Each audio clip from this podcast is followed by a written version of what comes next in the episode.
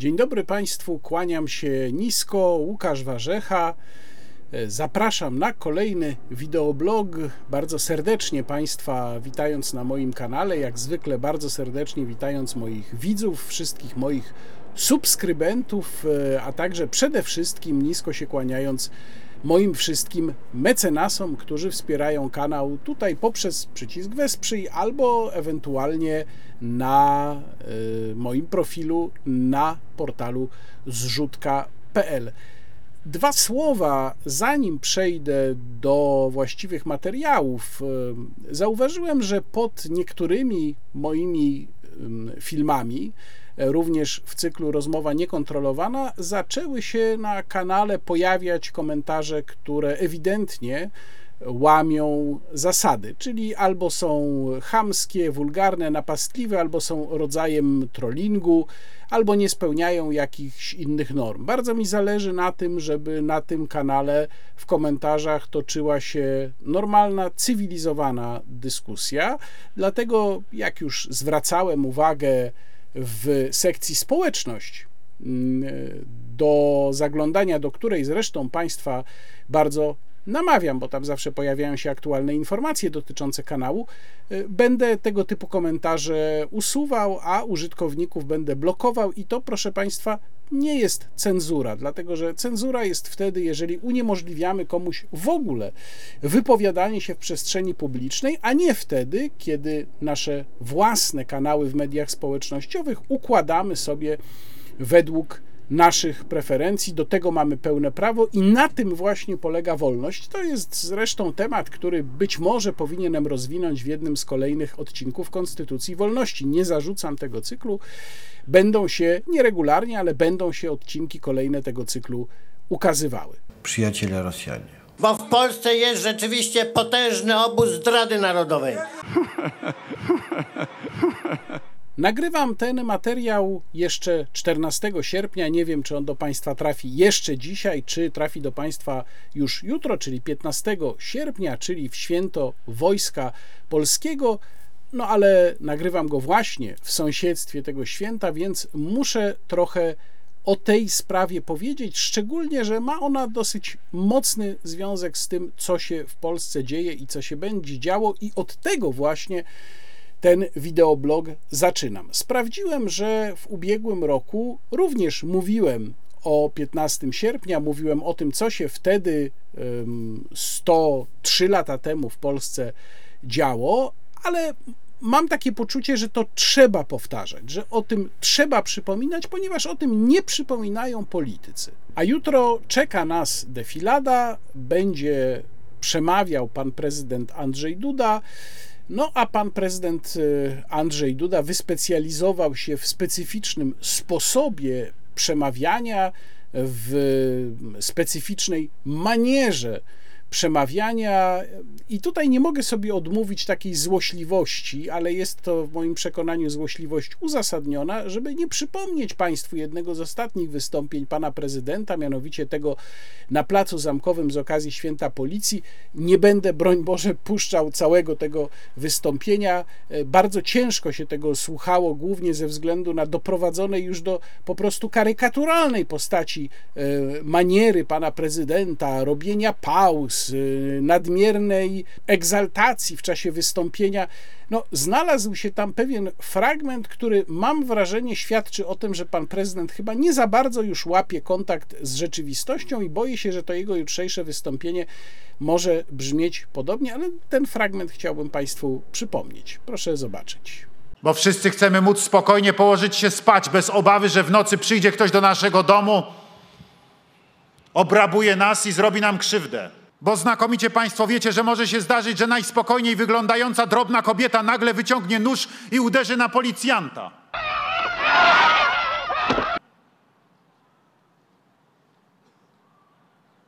Bo wiecie znakomicie, że może się zdarzyć nawet taka tragiczna sytuacja, że nagle dziecko wyciągnie pistolet. Choćby taki niezabezpieczony przez lekkomyślnego rodzica. No właśnie, więc jutro też będziemy mieli wystąpienie pana prezydenta i ja chcę niejako uprzedzić to wystąpienie, przypominając państwu pewne fakty historyczne związane z sierpniem 1920 roku, czy może szerzej w ogóle z całą wojną polsko-bolszewicką 1920 roku. Zachęcam też do lektury, jeżeli są państwo posiadaczami abonamentu Onet Premium, do lektury mojego tekstu, który dziś, czyli 14 sierpnia ukazał się właśnie na Onet Premium, który dotyczy i e, tamtych wydarzeń sprzed 103 lat i dotyczy mm, e, kwestii dzisiejszych, o których za chwilę zresztą Państwu powiem.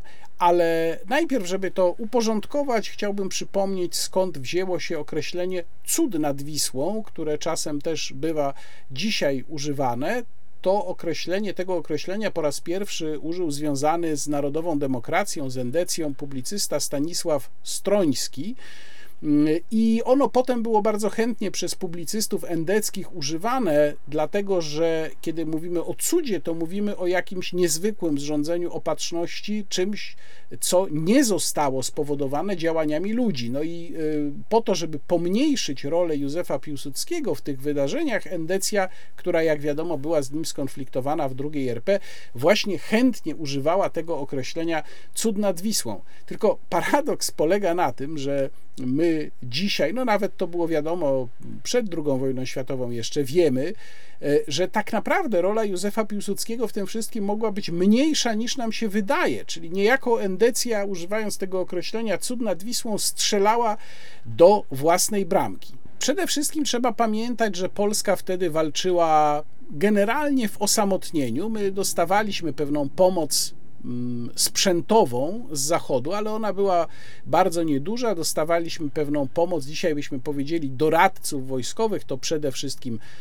z Francji, ale to też nie miało jakiegoś wielkiego wpływu. Natomiast dlaczego my tę wojnę wygraliśmy? Dlatego, że polskie państwo w tamtym czasie, mimo że było świeżo E, powstałe, sklejone, sfastrygowane właściwie z trzech zaborów, mimo wszystko potrafiło się zebrać i zmobilizować. Po pierwsze, pamiętajmy o tym, że ogromne zasługi położył polski wywiad, przede wszystkim radiowywiad, którym wówczas kierował podpułkownik Jan Kowalewski, no, wybitna postać, potem w czasie wojny um, rezydent wywiadu w Lizbonie, który położył też dla polskiego wywiadu, w ogóle dla zachodniego wywiadu, pracując tam ogromne e, zasługi. I to właśnie Jan Kowalewski mm, sprowadził do pracy w radiowywiadzie trzech bardzo wybitnych matematyków, związanych z uniwersytetami warszawskim i lwowskim, czyli Wacława Sierpińskiego, Stanisława Leśniewskiego i Stefana Mazurkiewicza. Pamiętajmy o tych nazwiskach: Sierpiński, Leśniewski i Mazurkiewicz, ponieważ to są ludzie, którym w dużej mierze zawdzięczamy to, żeśmy się obronili w roku 1920. Druga ważna kwestia, i tutaj właśnie trochę dochodzę do, do tej sprawy y, samobuja, który Endecja sobie strzela to była rola szefa sztabu generalnego w czasie operacji w 1920 roku, generała Tadeusza Rozwadowskiego. Ponieważ, jak się potem okazało, to Tadeusz Rozwadowski był autorem dwóch koncepcji manewrów, które przedstawił do akceptacji Józefowi Piłsudskiemu i to też Tadeusz Rozwadowski wybrał jedną z tych koncepcji jako optymalną, więc tak naprawdę no, można zadać bardzo poważne pytanie, kto w gruncie rzeczy wygrał Bitwę Warszawską? Czy to jednak nie był bardziej Tadeusz Rozwadowski niż Józef Piłsudski? I wreszcie mm, y, trzecia sprawa, no to y, przyczynił się do zwycięstwa ówczesny prezydent ministrów, czyli po prostu premier Wincenty Witos, który 30 lipca wydał bardzo poruszającą odezwę do braci Włościan. Ta odezwa miała przekonać polskich chłopów, że walka toczy się również o ich przyszłość, ponieważ po epoce zaborów chłopi często nie byli przekonani, że warto się bić o Polskę, jaka ona będzie, czy ona im przyniesie jakieś korzyści. I Witos, jako działacz ludowy, całym swoim autorytetem zaapelował do nich, wydając tę odezwę, i było to skuteczne, ponieważ bardzo mocno wzmocniło polską armię, do której zaczęli się właśnie wtedy zaciągać na ochotnika chłopi. A co do samego Józefa Piłsudskiego, no, znany już jest y, historykom ten zaskakujący epizod, kiedy to 12 sierpnia Józef Piłsudski złożył na ręce premiera Witosa dymisję ze wszystkich funkcji, uzasadniając ją zresztą takim pismem, ono jest do dzisiaj dostępne w dosyć pokrętny, mało zrozumiały sposób i wyjechał i najprawdopodobniej e, wyjechał nie tak, jak niektórzy twierdzili, do Puław, bo tak, taka była wersja, taka obowiązywała przez długi czas, ale wyjechał do Tarnowa, do majątku Wieniawy Długoszowskiego, swojego przyjaciela, e, no i przebywał tam najprawdopodobniej, według niektórych historyków, aż do 18 sierpnia, co by znaczyło, że po prostu nie było go w ogóle w pobliżu Warszawy wtedy, kiedy trwała najważniejsza bitwa, być może w historii Polski, a na pewno jedna z najważniejszych bitew w historii świata, co też stawia rolę Józefa Piłsudskiego w innym nieco świetle, niż by chcieli ją przedstawiać jego apologeci. I teraz dochodzę do tego, o czym będzie mówił najprawdopodobniej pan prezydent. W ogóle ta, ta kanwa od tego, czego można się spodziewać po panu prezydencie, będzie się przewijała przez cały ten blog, bo można się spodziewać, że będzie mówił e, wyłącznie o tych świetnych stronach e, polskiego sukcesu, unikając tego, o czym ja za chwilę Państwu powiem, i z całą pewnością będzie wskazywał na e, to, że Polska e, była wtedy tak, jak dzisiaj jest Ukraina, co jest, nawiasem mówiąc, dramatycznym i lekkomyślnym rozmienianiem naszego historycznego dorobku na drobne i pozbywaniem się atutów narracji historycznej, bo w ten sposób, to zresztą rządzący robią cały czas od 24 lutego, bo w ten sposób my sygnalizujemy światu zewnętrznemu, że nasze doświadczenia nie są wyjątkowe, że nie ma w nich nic szczególnego. Ja wskazywałem już w kilku tekstach, że jestem absolutnie zszokowany lekkomyślnością, z jaką polski rząd to robił. Przypomnijmy sobie, jak w zeszłym roku Porównywano na przykład Warszawę burzoną przez Niemców po powstaniu warszawskim z miastami ukraińskimi. No to jest po prostu wystrzeliwanie się z amunicji narracji historycznej, które chyba świadczy o niczym innym, jak zwyczajnie o głupocie, bo nie potrafię sobie tego inaczej wytłumaczyć. Ale wracam teraz do roku 1920 i lat późniejszych, bo o czym pan prezydent nigdy w zasadzie nie mówi. No nie mówi o tym, co spotkało w piłsudczykowskiej sanacyjnej Polsce ludzi, którzy uratowali drugą Rzeczpospolitą przed sowiecką nawałą. Wspomniany przeze mnie generał Tadeusz Rozwadowski był dowódcą wojsk rządowych w czasie puczu Józefa Piłsudskiego w maju 1926 roku. No i jak wiadomo, ten pucz e, Józef Piłsudski wygrał. Oficerowie, którzy dowodzili wojskami rządowymi, zostali internowani. Większość z nich została wypuszczona, bo też takie były zapowiedzi Piłsudskiego, no że przecież nie będziemy się mścić, trzeba się tu pogodzić, prawda? Ale nie Tadeusz Rozwadowski. Tadeusz Rozwadowski pod jakimiś bardzo niejasnymi i mglistymi zarzutami był trzymany w więzieniu, przede wszystkim i najdłużej w wileńskim więzieniu na Antokolu. I był tam trzymany nawet po tym, jak w październiku 26 roku Wojskowy Sąd Okręgowy numer 1 orzekł, że generał jest niewinny i nie ma żadnych podstaw, żeby nadal trzymać go w areszcie. Wypuszczono go dopiero w roku 1927, dwa miesiące wcześniej, zresztą e, w sposób taki bardzo ordynarny i, i, i obcesowy, demobilizując go przenosząc go do cywila, wypuszczono go dlatego, że opinia publiczna była już po prostu zbyt oburzona tym, że generał Rozwadowski, bohater wojny z 1920 roku, cały czas jest trzymany no, bez zarzutów, po prostu tylko dlatego, że był przeciwnikiem Józefa Piłsudskiego. Generał wyszedł z aresztu, więzienia, bo właściwie nie wiadomo nawet, co to była za forma prawna, i e, w 28 roku niestety zmarł. Wiele osób e, uważa, że to więzienie właśnie się przysłużyło do jego śmierci. Mm, niektórzy nawet uważają, że został w jakiś sposób otruty. Tam jest y, mowa o farbie, którą, takiej farbie, która miała y, emitować jakąś y, bardzo szkodliwą dla zdrowia substancję, którą miała być pomalowana cela generała Rozwadowskiego. No ile w tym jest prawdy, to pewnie się już nigdy nie dowiemy. Na pewno do tych plotek się przysłużyło to, że odmówiono wykonania sekcji zwłok generała. W każdym razie w 28 roku bohater roku 1920 już nie żył. Druga historia dotyczy drugiego z bohaterów y, drugiej Rzeczypospolitej, o których mówiłem, czyli premiera Wincentego Witosa, który również znalazł się po przeciwnej stronie politycznego sporu niż Piłsudczycy niż sanacja i w związku z tym w roku 1930 wylądował w twierdzy brzeskiej jako jeden z bohaterów tak zwanego procesu brzeskiego, w którym został w roku 1931 skazany, kiedy siedział w tej twierdzy brzeskiej. Proszę sobie wyobrazić, człowiek, który mm, no, w dużej mierze uratował Polskę w 1920 roku, wybitny działacz ludowy, wielki autorytet dla polskich chłopów, był zmuszany w tej twierdzy brzeskiej między innymi do ręcznego czyszczenia latryn. To były takie chamskie, brutalne metody Piłsudczyków na upokorzenie ludzi, którzy się z nimi nie zgadzali. To oczywiście spotkało nie tylko Wincentego Witosa.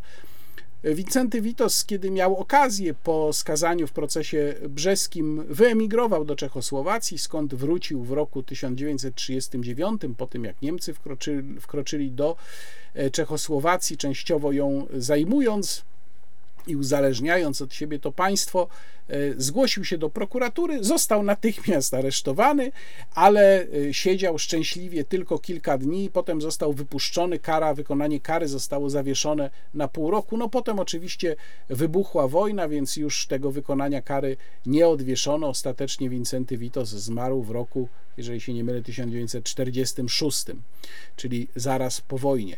I oczywiście takiej niesprawiedliwości, no po prostu wręcz krzyczące niesprawiedliwości, bardzo głębokie niesprawiedliwości spotykały wielu bohaterów w II Rzeczpospolitej. I o tym nigdy nie usłyszeliśmy i nie usłyszymy od pana prezydenta z różnych powodów. Ja myślę, że po pierwsze dlatego, że obóz PiS jest zapatrzony w sanację, zapatrzony w Piłsudskiego, i z ogromnym trudem politykom PiS, oczywiście mówię o tych, którzy mają w ogóle jakiekolwiek pojęcie o historii, bo przecież nie wszyscy mają, przychodzi mm, powiedzenie czegokolwiek krytycznego na temat sanacji i Józefa Piłsudskiego właśnie.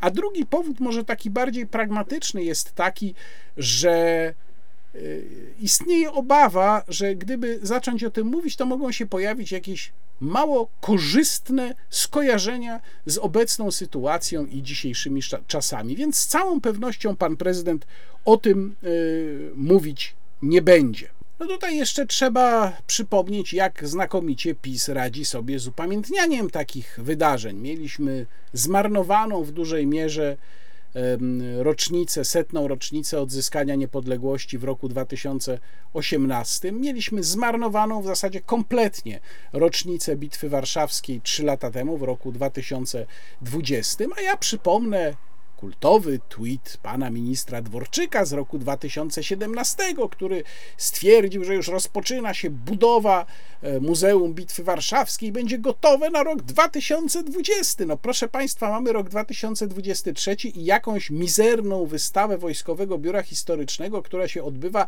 przed gmachem, który oczywiście cały czas jest zamknięty. Więc naprawdę, drodzy, drogie panie i panowie z Prawa i Sprawiedliwości, wasza dbałość o narrację historyczną i wasza sprawczość w tej dziedzinie jest po prostu symboliczna. To jest mniej więcej symbol tego, jaka jest w ogóle wasza sprawczość i wasza dbałość o polski interes. O jeszcze po drodze przypomnę, w roku 2020, jak się okazało, że tego muzeum to nie ma, a tu panie nagle setna rocznica niespodziewanie się zdarzyła. Wola Boga, kto mógł to przewidzieć? Pojawił się pomysł, że to trzeba szybko pomnik postawić. No i był nawet konkurs na ten pomnik, wygrał taki, tu przypominam Państwu, jak to miało wyglądać, taki świder dosyć obrzydliwy, miał stanąć na placu na rozdrożu. Oczywiście świdra też nie ma, czyli po prostu niczego nie ma. Brawo, Zjednoczona Prawica. I teraz parę słów o tym, czemu ma służyć ta jutrzejsza defilada, która podobno ma być bardzo wielka, potężna, wspaniała, ma mnóstwo sprzętu się pojawić. No, ma służyć przede wszystkim temu, że PiS chce zamaskować i przykryć problem, który sam stworzył. Dlatego, że bezpieczeństwo jest, ma być jednym ze znaków firmowych Zjednoczonej Prawicy. Cały czas Jarosław Kaczyński chce nas przekonać, że tylko jego ugrupowanie jest w stanie zapewnić Polsce bezpieczeństwo, jest w stanie zmodernizować polską armię. No tylko problem polega na tym, że coraz większa liczba polityków zaczyna zauważać, nie spisu jeszcze, bo oni nie są w stanie tego przyznać, no bo sami tę politykę prowadzili, że oddając ogromne ilości sprzętu Ukrainie, doprowadziliśmy polską armię do stanu, w którym ona przez pewien okres, dopóki nie zaczną być realizowane kontrakty zbrojeniowe, będzie miała znacząco obniżone zdolności bojowe. Więc ja złośliwie zażartowałem, że w tej defiladzie może w gablotkach powinny jechać kontrakty na sprzęt. No, co prawda, z kontraktów strzelać się nie da, ale można się jakoś tam nimi próbować pochwalić. Tylko kłopot, proszę Państwa, polega na tym, że jeszcze trzeba za te zakupy zbrojeniowe zapłacić. Ja już pomijam to, że ten sprzęt musi zostać wyprodukowany, musi do Polski dopiero przyjechać, żołnierze muszą się wyszkolić, jak go obsługiwać, ale trzeba za niego zapłacić. I my tak naprawdę nie wiemy ile. Do nas dochodzą tylko jakieś fragmentaryczne informacje, nie ze strony rządu, no takie informacje jak chociażby z The Korea Times, które przypomnę napisało jakiś czas temu, że Polska ubiega się o kolejny kredyt w Korei Południowej, czyli w sumie już mielibyśmy być tam zadłużeni na 100 miliardów złotych. 100 miliardów, proszę Państwa, to jest około 20% dochodów polskiego budżetu, rocznych dochodów polskiego budżetu. E, właśnie w związku z zakupami sprzętu, ale my tego od rządu nie wiemy.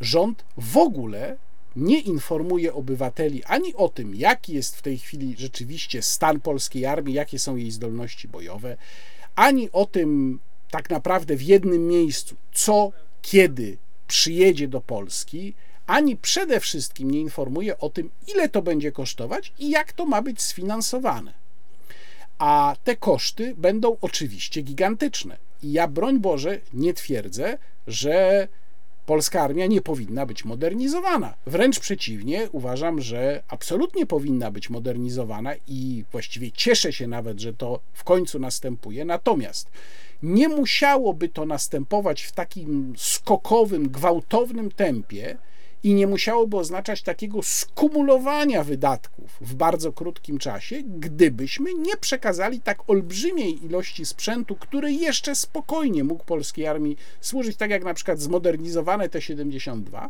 gdybyśmy nie przekazali tego sprzętu Ukrainie. No więc ile to będzie kosztowało?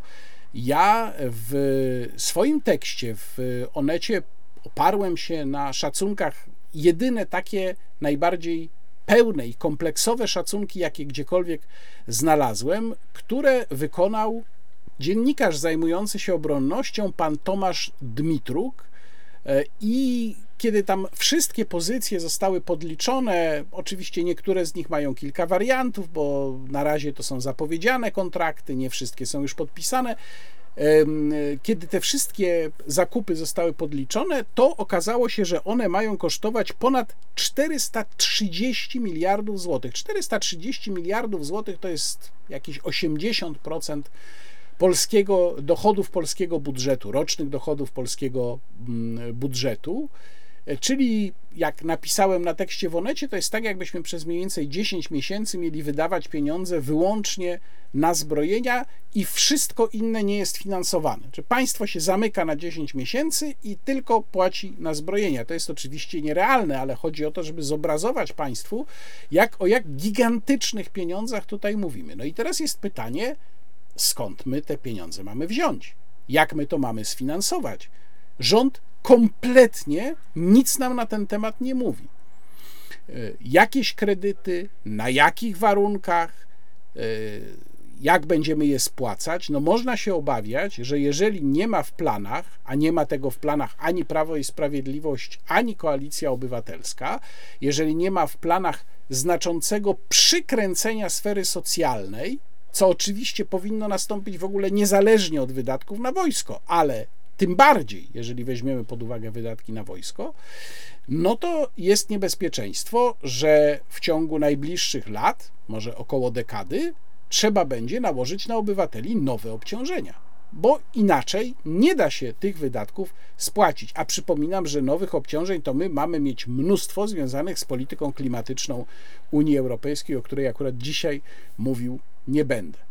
Więc ja zamiast defilady, która ma być takim emocjonalnym, psychologicznym zagraniem, żeby uspokoić Polaków, jacy to my jesteśmy silni, a pamiętamy takie defilady z roku 39, że pamiętamy, no, bardzo wielu z Państwa, większość z Państwa wtedy, e, wtedy jeszcze i większości z Państwa nie było na świecie i mnie też nie, no, ale wystarczy popatrzeć, jak to wyglądało na archiwalnych filmach, prawda? Też byliśmy zwarci, mocni, gotowi.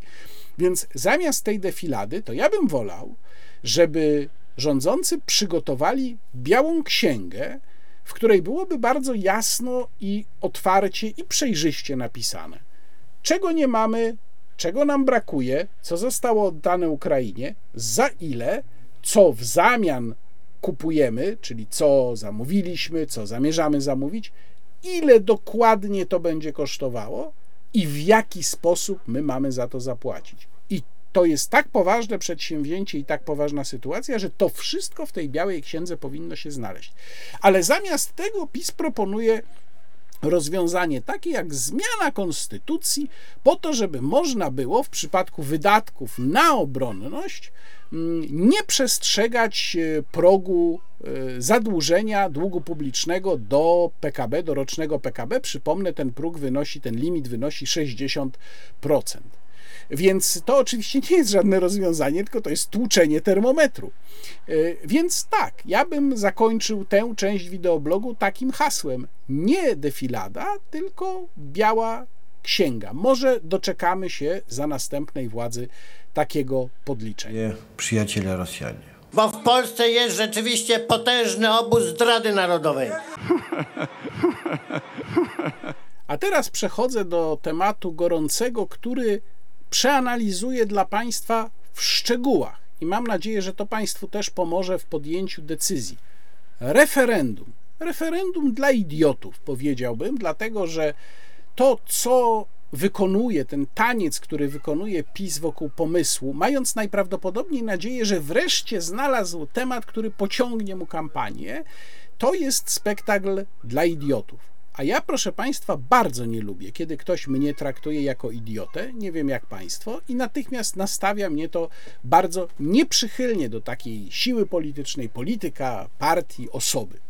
Ale zacznijmy od tego, że mamy już, znamy już cztery pytania referendalne. Ja o dwóch z tych pytań napisałem teksty. Jeden znajdą Państwo na forum polskiej gospodarki na FPG24, drugi w salonie 24. Rzecz jasna, jak zwykle linki do tekstów w opisie filmu. Przypomnę, że w Polsce do tej pory od 1989 roku mieliśmy pięć referendów. Przy czym proszę pamiętać, że granicą był rok 2003. Dlaczego? Dlatego, że wtedy przygotowując się do referendum akcesyjnego o wejściu Polski do Unii Europejskiej, uchwalono ustawę o referendum ogólnokrajowym, która od tamtego czasu obowiązuje. I po uchwaleniu tej ustawy o referendum ogólnokrajowym zorganizowano zgodnie z nią tylko dwa referenda. Jedno to było właśnie referendum akcesyjne w roku 2003, kiedy frekwencja sięgnęła trochę ponad 58%, i drugie referendum to było referendum z roku 2015 dotyczące przede wszystkim jednomandatowych okręgów wyborczych. To referendum z roku 2015 zostało ogłoszone pomiędzy turami głosowania prezydenckiego przez zdesperowanego i przerażonego perspektywą utraty urzędu Bronisława Komorowskiego. No nic mu to oczywiście nie pomogło. Referendum odbyło się już po wyborach prezydenckich, bo odbyło się we wrześniu 2015 roku. Miało porażającą frekwencję 7,8%, kosztowało ponad 70 milionów złotych jego zorganizowanie. I wtedy były trzy pytania. E, czy jest pan pani za wprowadzeniem jednomandatowych okręgów wyborczych w wyborach do Sejmu Rzeczypospolitej Polskiej? Czy jest pan, pani za utrzymaniem dotychczasowego sposobu finansowania partii politycznych z budżetu państwa? Oraz czy jest pan, pani za wprowadzeniem zasady ogólnej rozstrzygania wątpliwości co do wykładni przepisów prawa podatkowego na korzyść podatnika. I oczywiście było to referendum zorganizowane czysto instrumentalnie, bo tak jak powiedziałem, miało ono służyć Bronisławowi Komorowskiemu do tego, żeby przekonać do siebie przed drugą turą wyborów y, te osoby, które no, mogły, dla których mogły być te problemy ważne. Przede wszystkim chodziło tutaj o część chociaż wyborców Pawła Kukiza, stąd to pytanie o jednomandatowe okręgi wyborcze. Ale trzeba przyznać, kiedy się patrzy na tamto referendum w porównaniu z tym obecnym, że przynajmniej wszystkie te trzy pytania referendalne, po pierwsze, no, były istotne, ale po drugie, były sformułowane w normalny sposób, w neutralny sposób, czego nie można absolutnie powiedzieć o tej chucpie, której świadkami my jesteśmy teraz.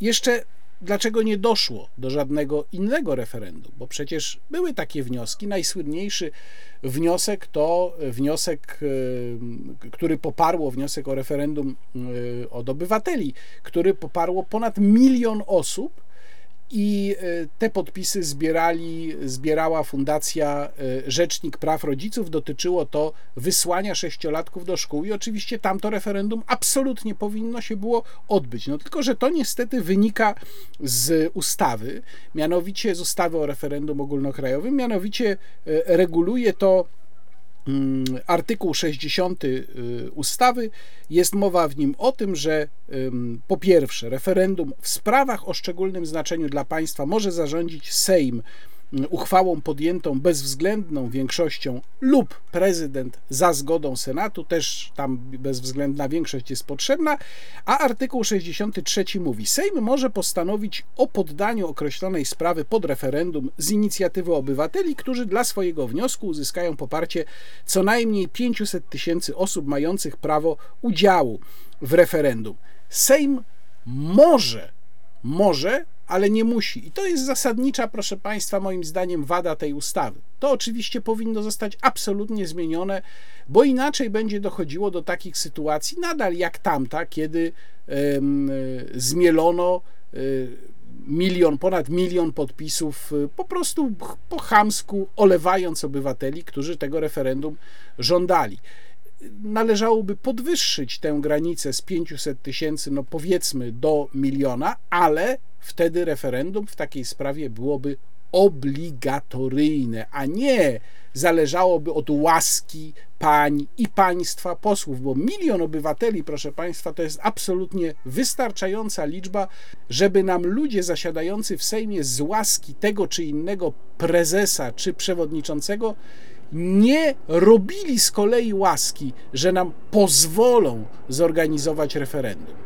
I teraz przechodzę, zanim jeszcze powiem o, konkretnie o czterech pytaniach, to teraz przechodzę do niezwykle ważnej kwestii, to znaczy do tego, czy referendum będzie ważne i czy będzie wiążące bo to są, proszę Państwa, dwie odrębne kwestie, bardzo często mylone, nawet przez ludzi z dużą świadomością polityczną i prawną, a ja tutaj Państwa przestrzegam przed ich myleniem i wskazuję, na czym polega różnica.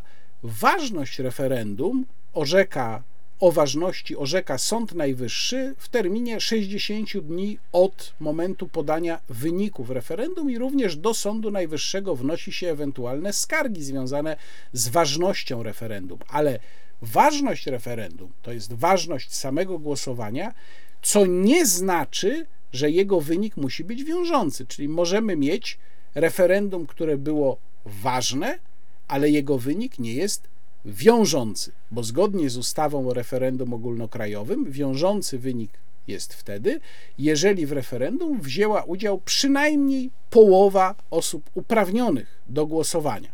A właściwie mówiąc dokładnie, musi być więcej niż połowa osób uprawnionych do głosowania, czyli 50% plus jedna osoba. I tutaj mamy haczyk, który dotyczy też najbliższego referendum. No bo szykuje się bardzo ciekawa sytuacja. To znaczy, jak się zachować w momencie, kiedy nie chcemy głosować w tym referendum, przyjdziemy do lokalu wyborczego e, i dostaniemy z rozpędu, bo to pewnie tak będzie wyglądało, choć podejrzewam, że będą to, znaczy na pewno będą to odrębne listy i pewnie będą też odrębne komisje, choć jak to zostanie zorganizowane, jeszcze nie wiadomo. Z rozpędu dostaniemy kartę do głosowania do Sejmu i Senatu i kartę do głosowania w referendum. Oczywiście tej ostatniej możemy nie wziąć, ale toczy się spór o to, co decyduje o frekwencji. To znaczy, czy o frekwencji decyduje to, ile kart ważnych y, w referendum zostanie wyjętych z urny, czy też to, ile osób pobierze karty. Dlaczego to jest takie istotne? No bo proszę sobie wyobrazić sytuację, kiedy przychodzą ludzie, z rozpędu dostają te karty do głosowania w wyborach i kartę referendalną, z rozpędu się podpisują i potem dopiero nachodzi ich myśl w lokalu wyborczym, no ale chwileczkę, ja nie chcę głosować w referendum, no ale karta już została pobrana. I co z nią teraz można zrobić?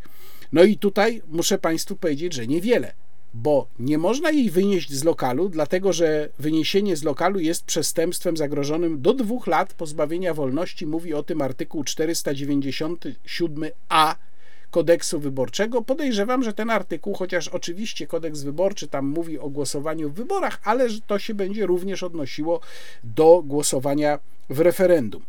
Nie można też tej karty na przykład podrzeć, bo to z kolei jest zagrożone karą do trzech lat pozbawienia wolności i o tym mówi artykuł 248 kodeksu karnego. Czyli zostają Państwo z tą kartą, no i teraz w zasadzie jest pytanie, prawda? Jak będzie liczona frekwencja?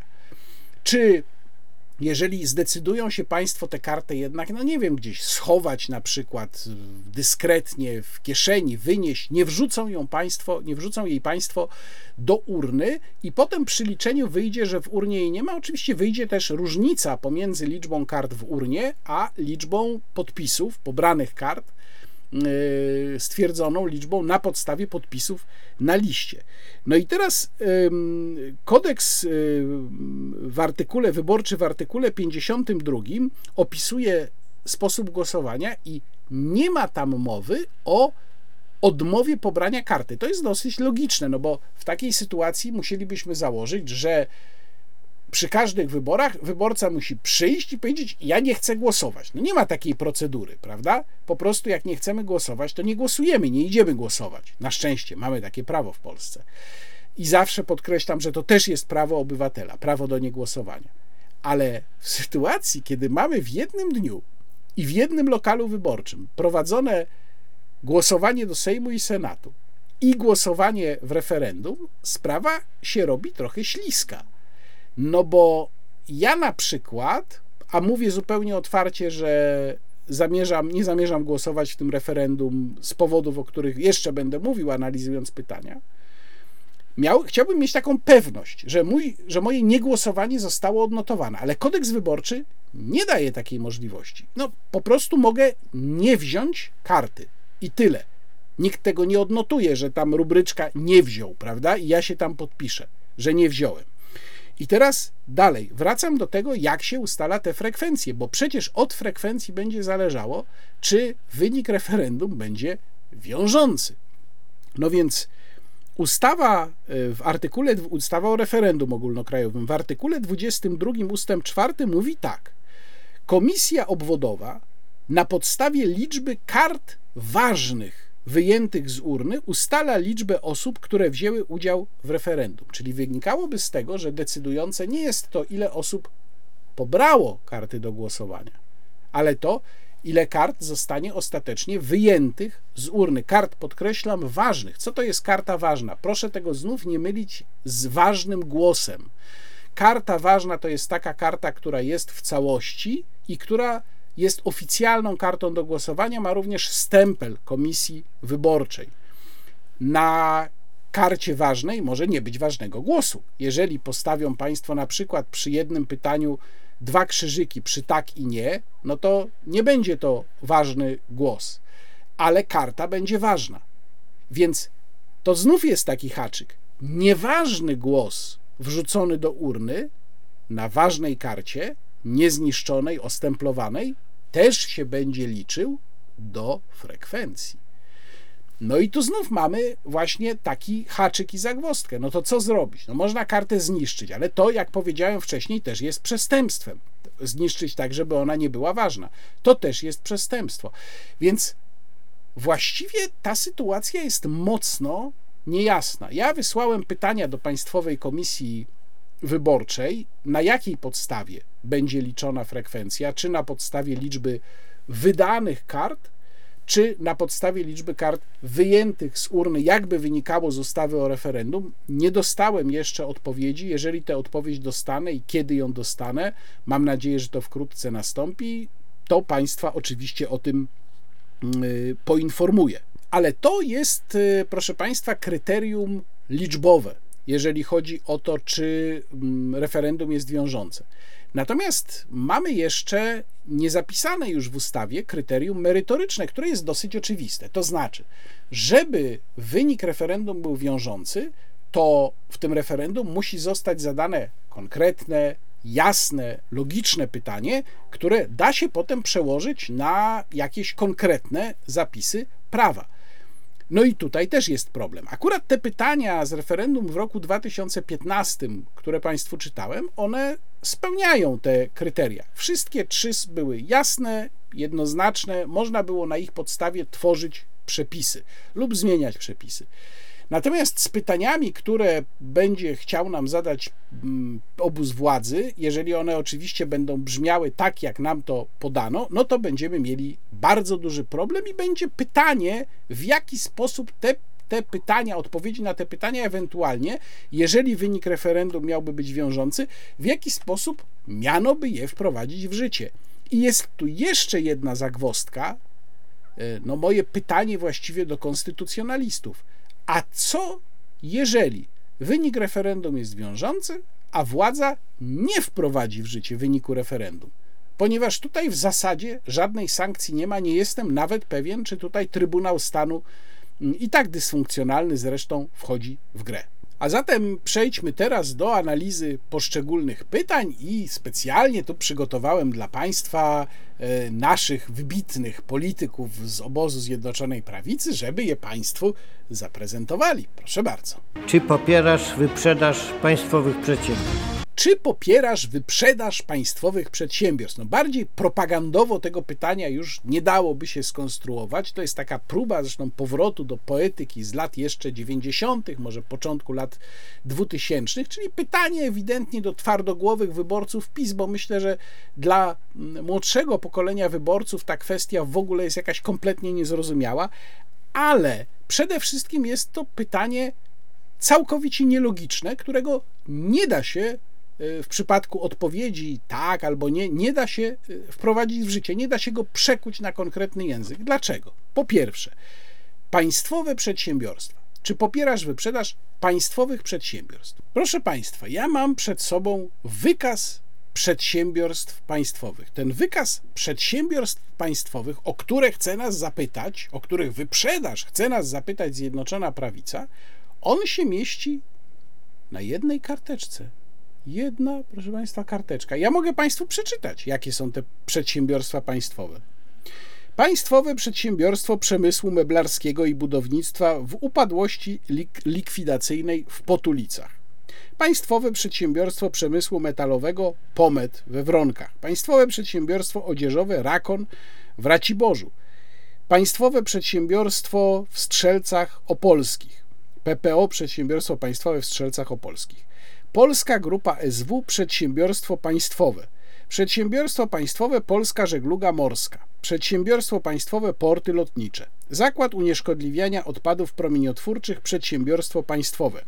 Biuro Urządzania Lasu i Geodezji Leśnej, Kujawskie Zakłady Naprawy Samochodów, umorzona upadłość, PGBW Hydrogeo w Krakowie, Państwowy Zarząd Powierniczy Krakowie, Warszawskie Przedsiębiorstwo Budowlano-Montażowe Śródmieście w upadłości i te wszystkie, które teraz czytam, są w upadłości lub w likwidacji. Zakład Lamp Profesjonalnych w Warszawie, Kaletańskie Zakłady Celulozowo-Papiernicze w Kaletach, w likwidacji Zakłady Elektrochemiczne EMA Brzezie w Raciborzu, w upadłości Przedsiębiorstwo Budownictwa Kolejowego w Kielcach oraz Poznańska Fabryka Maszyn Żniwnych Agromet w upadłości. Koniec. Koniec listy. To jest, proszę Państwa, 18 firm. Tak, dobrze Państwo słyszą. Przedsiębiorstwo państwowe, według definicji ustawowej, to jest 18 firm w Polsce w tej chwili, z czego duża część mm, jest pod nadzorem Ministerstwa Sprawiedliwości, ponieważ są to zakłady, w których pracują więźniowie. Dwa tylko są duże przedsiębiorstwa państwowe, o których prywatyzacji ewentualnie można by myśleć, to są, to są przedsiębiorstwo państwowe Polskie Porty Lotnicze i e, przedsiębiorstwo państwowe Polska Żegluga Morska. No to takie dwa najbardziej znane. Ale przecież chyba nie o tym PiS chciał w tym pytaniu mówić z obywatelami. Można się domyślić, że to dyletancko sformułowane pytanie, gdzie dosłownie chodzi o przedsiębiorstwa państwowe, czyli proszę Państwa o tę listę tych 18, 18 raptem firm, miało dotyczyć spółek z udziałem Skarbu Państwa. No to już jest co innego, ale spółka z udziałem Skarbu Państwa to nie jest przedsiębiorstwo państwowe. No to czy oni sami nie wiedzą o co pytają? No najwyraźniej nie wiedzą. No więc takich y, firm pod nadzorem Ministerstwa Aktywów Państwowych jest 138. Ale jeszcze najpierw zajmijmy się pojęciem wyprzedaży, które się też pojawia w tym pytaniu. Y, no przecież mamy pytanie, czy popierasz wyprzedaż?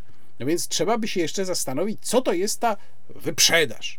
Otóż nie ma definicji prawnej wyprzedaży. Jest definicja słownikowa. Prawnicy, jak wiadomo, kiedy mają wątpliwości, to często sięgają, jeżeli jakiś termin nie jest prawnie zdefiniowany, nie jest zdefiniowany w jakiejś ustawie, to sięgają po słownik. No i słownik powie nam, słownik w tym wypadku y, języka polskiego PWN y, wydany w 1996 roku, że wyprzedaż jest to sprzedawanie czegoś po obniżonych cenach, na przykład przy likwidacji sklepu.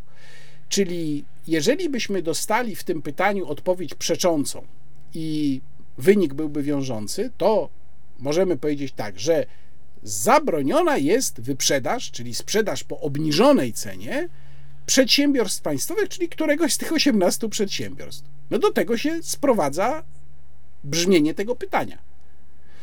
Ale nawet gdyby założyć, że może to zostanie jeszcze poprawione i nie będzie tam mowy o przedsiębiorstwach państwowych, tylko będzie tam mowa o firmach z udziałem Skarbu Państwa, to i tak pojęcie wyprzedaży powoduje, że taka normalna sprzedaż, normalna prywatyzacja, czyli nie po cenie obniżonej, tylko po cenie rynkowej, nie będzie zakazana. No, wypowiadając się przeciwko wyprzedaży, obywatele nie wypowiadają się przeciwko normalnej sprzedaży, normalnej prywatyzacji, tylko opowiadają się przeciwko sprzedawaniu za obniżoną cenę. No to jest dosyć jasne. Nie chcielibyśmy, żeby firmy jakiekolwiek państwo sprzedawało za jakąś nadzwyczajnie obniżoną cenę, tylko za cenę rynkową. Ok.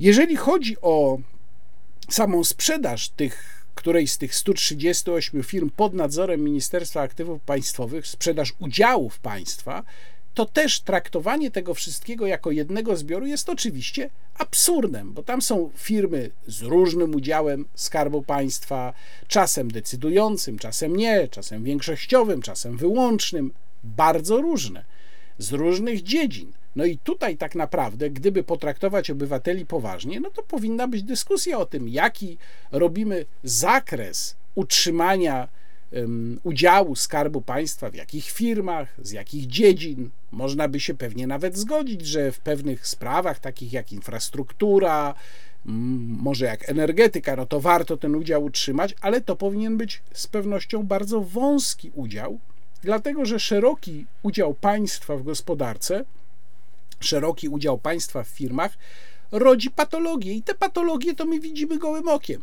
Podstawowym przykładem tej patologii jest to, że można kumpli i zaufanych Parteigenossen wsadzić na takie miejsca właśnie w tych firmach, w radach nadzorczych, w ich zarządach. Teraz rozbierzmy na czynniki pierwsze pytanie drugie. Czy jesteś za podwyższeniem wieku emerytalnego? No to jest pytanie już na pewno bardziej konkretne i lepiej zbudowane niż to pierwsze pytanie, ale też bardzo niedoskonałe, dlatego że tam, gdzie w grę wchodzi niezwykle skomplikowany system emerytalny, zadano nam pytanie tylko o jedną sprawę. No i teraz jak obywatele mają tu odpowiedzieć tak albo nie? Jeżeli mają swoje zdanie kompletnie inne. No na przykład ktoś może uważać, i sądzę, że jest to opinia uzasadniona, że przede wszystkim należy mówić o zrównaniu wieku emerytalnego kobiet i mężczyzn, czyli podniesieniu wieku emerytalnego kobiet do przynajmniej podniesieniu do 65 lat. No i nie ma już możliwości wypowiedzenia się w ten sposób. Przy czym ustawa o referendum ogólnokrajowym dawałaby taką możliwość, ponieważ jest tam mowa o konstruowaniu pytań wariantowych. Można by takie pytanie skonstruować, no ale przecież wiemy, że nie o to tutaj chodzi.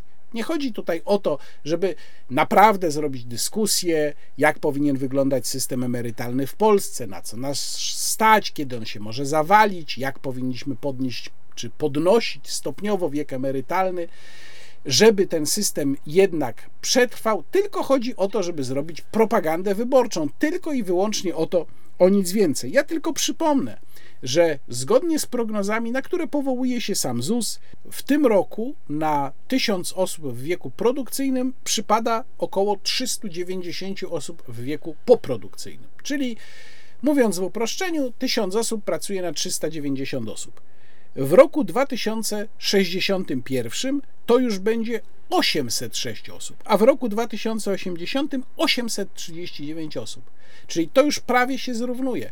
Czyli już prawie jest tak, że jedna osoba pracująca będzie pracować na niemal jedną osobę niepracującą. No to oczywiście jest nie do utrzymania. W obecnym systemie jest nie do utrzymania. Jednym ze sposobów, żeby katastrofie zapobiec, jest podwyższanie, moim zdaniem absolutnie nieuchronne podwyższanie wieku emerytalnego. Można rozmawiać o tym, czy we wszystkich zawodach, jak do tego podejść, w jakim tempie, ale to powinna być poważna dyskusja, a nie takie propagandowe jedno pytanie. No dobrze, to teraz przejdźmy do niezwykle interesującego pytania trzeciego, które przedstawi mój ulubiony Gierek 2.0. Czy popierasz przyjęcie tysięcy nielegalnych imigrantów z Bliskiego Wschodu i Afryki? Na ten temat właśnie napisałem w salonie 24, wskazując na pewne subtelności zawarte w tym pytaniu. Otóż proszę zwrócić uwagę, że użyto w tym pytaniu sformułowania przymusowy mechanizm relokacji, a nie mechanizm przymusowej relokacji. Dlaczego? Dlatego, że ten mechanizm, jak to tłumaczyłem zresztą w jednym z poprzednich wideoblogów, rzeczywiście zakłada, że sama relokacja, czyli przyjęcie um, tych osób z innych krajów, nie będzie przymusowa, to znaczy zakłada istnienie alternatyw wobec tej relokacji. Oczywiście udział w samym mechanizmie, tak zwanym solidarnościowym, już jest przymusowy i temu ja zdecydowanie się sprzeciwiam. Natomiast faktycznie nie wiem, czy to jest świadome, czy to jest przypadek, ale być może ktoś, kto układał to pytanie, pomyślał, żeby jednak tak je ułożyć, żeby nie można było zarzucić mu, że ono jest nieprawdziwe, że ono się mija z prawdą, czyli nie mechanizm przymusowej relokacji, tylko przymusowy mechanizm relokacji, bo to mechanizm cały, łącznie z tymi alternatywami, jest przymusowy, ale nie sama relokacja. Druga kwestia to, jest, y, to są te tysiące. Co to by miały być te tysiące? No to jest oczywiście język propagandy, nie język, którym się zadaje pytania w referendum. No ale przypomnę tylko, że mm, według założeń zawartych obecnie w rozporządzeniu, Polska miałaby do przyjęcia jakieś, no powiedzmy, 3000 lub ekwiwalent finansowy tego, 3000 migrantów rocznie. No, czy to są tysiące, nie wiem. Natomiast na pewno jasne jest dla mnie, że y, można założyć, można stwierdzić, że jeżeli byśmy mieli przyjmować 1999 osób, to możemy, dlatego że to tysiące z całą pewnością nie są, no bo jest to mniej niż 2000. Zastanawiające i zadziwiające jest to, że w tym pytaniu wymieniono konkretnie kontynenty, z których mieliby pochodzić niepożądani migranci, i wymieniono Afrykę i wymieniono region, no bo to nie kontynent, region, Bliski Wschód. Czy czegoś Państwu tu nie brakuje? Bo ja natychmiast się zacząłem zastanawiać, a dlaczego nie wymieniono w tym, w tym zdaniu, w tym pytaniu, dlaczego nie wymieniono Azji? No przecież też są nielegalni migranci z Azji. I odpowiedź pierwsza, jaka mi przychodzi do głowy, to ta, że PiS po prostu nie chce ściągać na siebie uwagi, nie chce, nie chce przypominać o tym, że pozwolił sprowadzać do Polski bardzo duże ilości migrantów z krajów muzułmańskich, również właśnie z Azji. To ja tylko przypomnę, że e, w czasach rządów PiS w 2022 roku, czyli w ubiegłym roku, z Bangladeszu pozwolenie na pracę uzyskało 13 tysięcy osób, z Uzbekistanu ponad 33 tysiące osób, z Pakistanu 4645, z Gruzji którą większość uznaje za leżącą przynajmniej częściowo w Azji 4200 osób.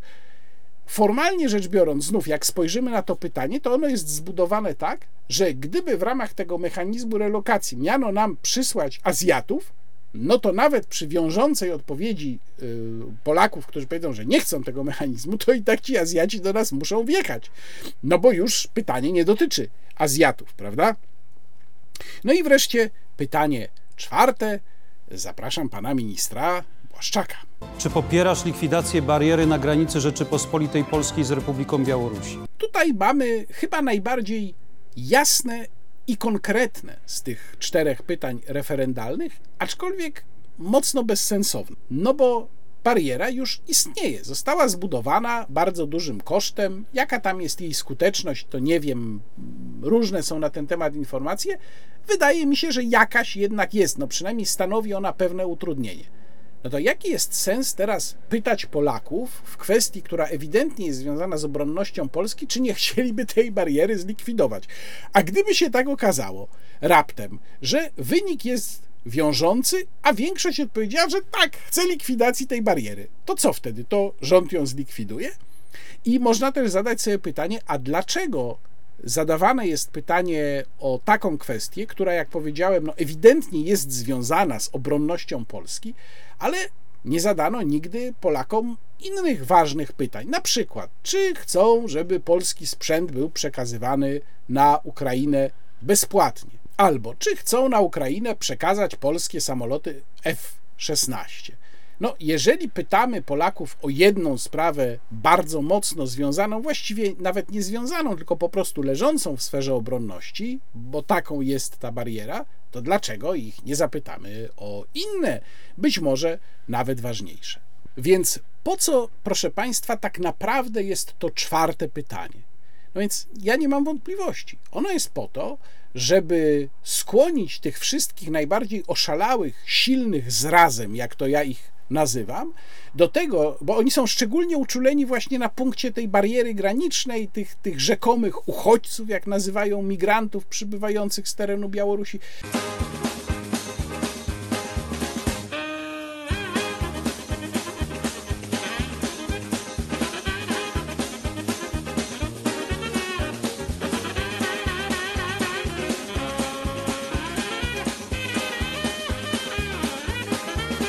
Żeby ich skłonić do tego, żeby u nich zwyciężyła ta złość, ta wściekłość na prawo i sprawiedliwość, i żeby oni poszli i mimo wszystko, mimo wezwań do bojkotu tego referendum ze strony opozycji, żeby zagłosowali w tym miejscu, że tak, chcemy likwidacji tej bariery z zaciśniętymi zębami, żeby zagłosowali i w ten sposób, proszę Państwa, podbiją frekwencję. I w ten sposób może się okazać, że wynik referendum będzie wiążący. Ten manewr może się udać. No oczywiście jedna rzecz oczywista, jasna, to to, że PiS potraktowało to referendum całkowicie stuprocentowo instrumentalnie, ale najgorsze jest to, że instytucja referendum została okpiona po raz kolejny. No bo mieliśmy najpierw to referendum Bronisława Komorowskiego, no przynajmniej tam były poważne, normalnie sformułowane pytania. Ale też wiadomo, dlaczego ono zostało zorganizowane. Potem, czy właściwie wcześniej, nie potem, mieliśmy próbę złożenia wniosku o referendum w tej właśnie sprawie, w sprawie sześciolatków w Sejmie.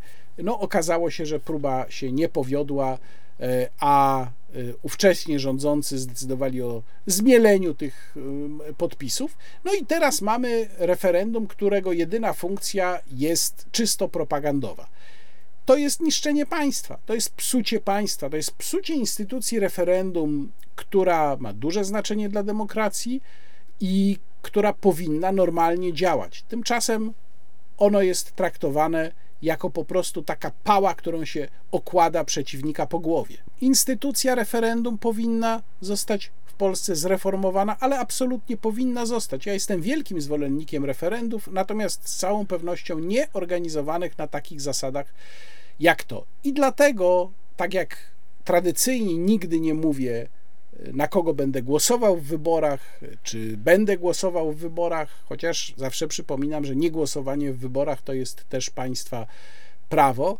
Tak w tym wypadku, w wypadku referendum, mówię zupełnie otwarcie. Ja w tej chucpie nie zamierzam brać udziału. Przyjaciele Rosjanie. Bo w Polsce jest rzeczywiście potężny obóz zdrady narodowej.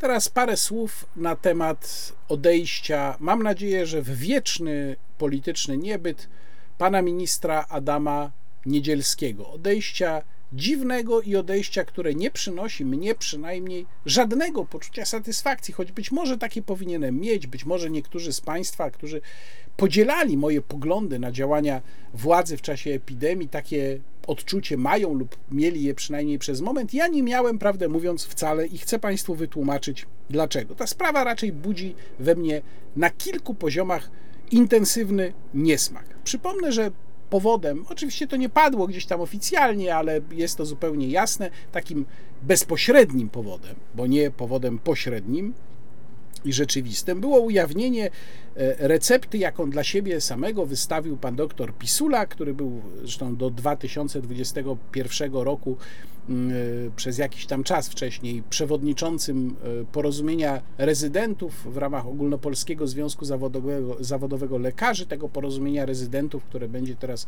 we wrześniu strajkowało, właściwie nie wiadomo dlaczego, bo to też jest ciekawa sprawa. Strajk ma być, ale taki ogólny, że jest źle ale o co chodzi konkretnie, to nie wiadomo. No i ten, e, ten, ten krok pana ministra był związany z tym, wynikał z tego, że pan Pisula tam kwestionował nowe reguły wystawiania recept, nie on jeden zresztą, rzeczywiście zdaje się, że wylano tutaj dziecko z kąpielą, no to pan minister stwierdził, a nieprawda, bo tutaj można wystawiać recepty, panie Pisula, bo pan se sam wystawiłeś receptę taką i śmaką. No i powiedział jaką. I oczywiście złamał w ten sposób prawo, ja nie mam żadnych wątpliwości. Tylko problem polega na tym, że wtedy dopiero oburzyły się strasznie różne organizacje establishmentu lekarskiego, że to jest uderzenie w lekarzy, panie, że to jest skandal.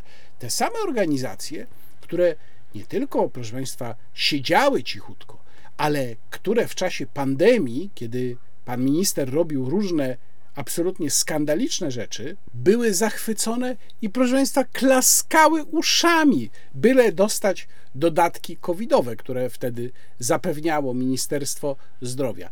Nagle obudziły się teraz. Nagle pan minister jest zły. To jest po prostu przykład skrajnej hipokryzji. Jeżeli mówi się o tym, że pan minister został odwołany dlatego, że rząd chciał się pozbyć człowieka, który jest dla niego obciążeniem, ponieważ duża część elektoratu PiS wiąże go właśnie z tymi sprawami covidowymi, e, które wiele osób wkurzają, wkurzały i, i zrażały do głosowania na partię rządzącą, no to proszę zauważyć, że za tą dymisją nie poszły żadne absolutnie mm, przeprosiny. Za tym nie poszło żadne rozliczenie nie ma żadnego komunikatu czy sygnału, że to właśnie z tego powodu minister Niedzielski musiał się pożegnać ze stanowiskiem, lub również z tego powodu. Więc jeżeli nawet taka była motywacja, to moim zdaniem efekt będzie zerowy. To znaczy, ci, którzy zrazili się z powodu postępowania w tamtym czasie, do Prawa i Sprawiedliwości. No nie mają żadnego powodu, żeby uznać, że nastąpiła jakakolwiek refleksja. Szczególnie, że następczyni pana Niedzielskiego, pani minister Sujka, no też w tamtym czasie, jak się prześledzi jej wpisy twitterowe, to pisała naprawdę bardzo ciekawe rzeczy.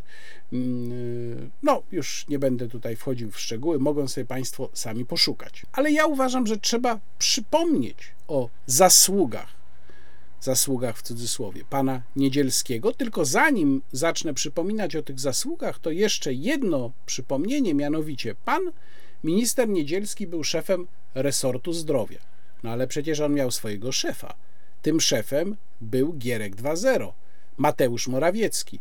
I proszę nie zapominać, że poza pierwszymi bodaj trzema albo czterema rozporządzeniami mm, związanymi z wiadomym okresem i wiadomą sprawą, wszystkie następne rozporządzenia podpisywał już w imieniu Rady Ministrów Mateusz Morawiecki.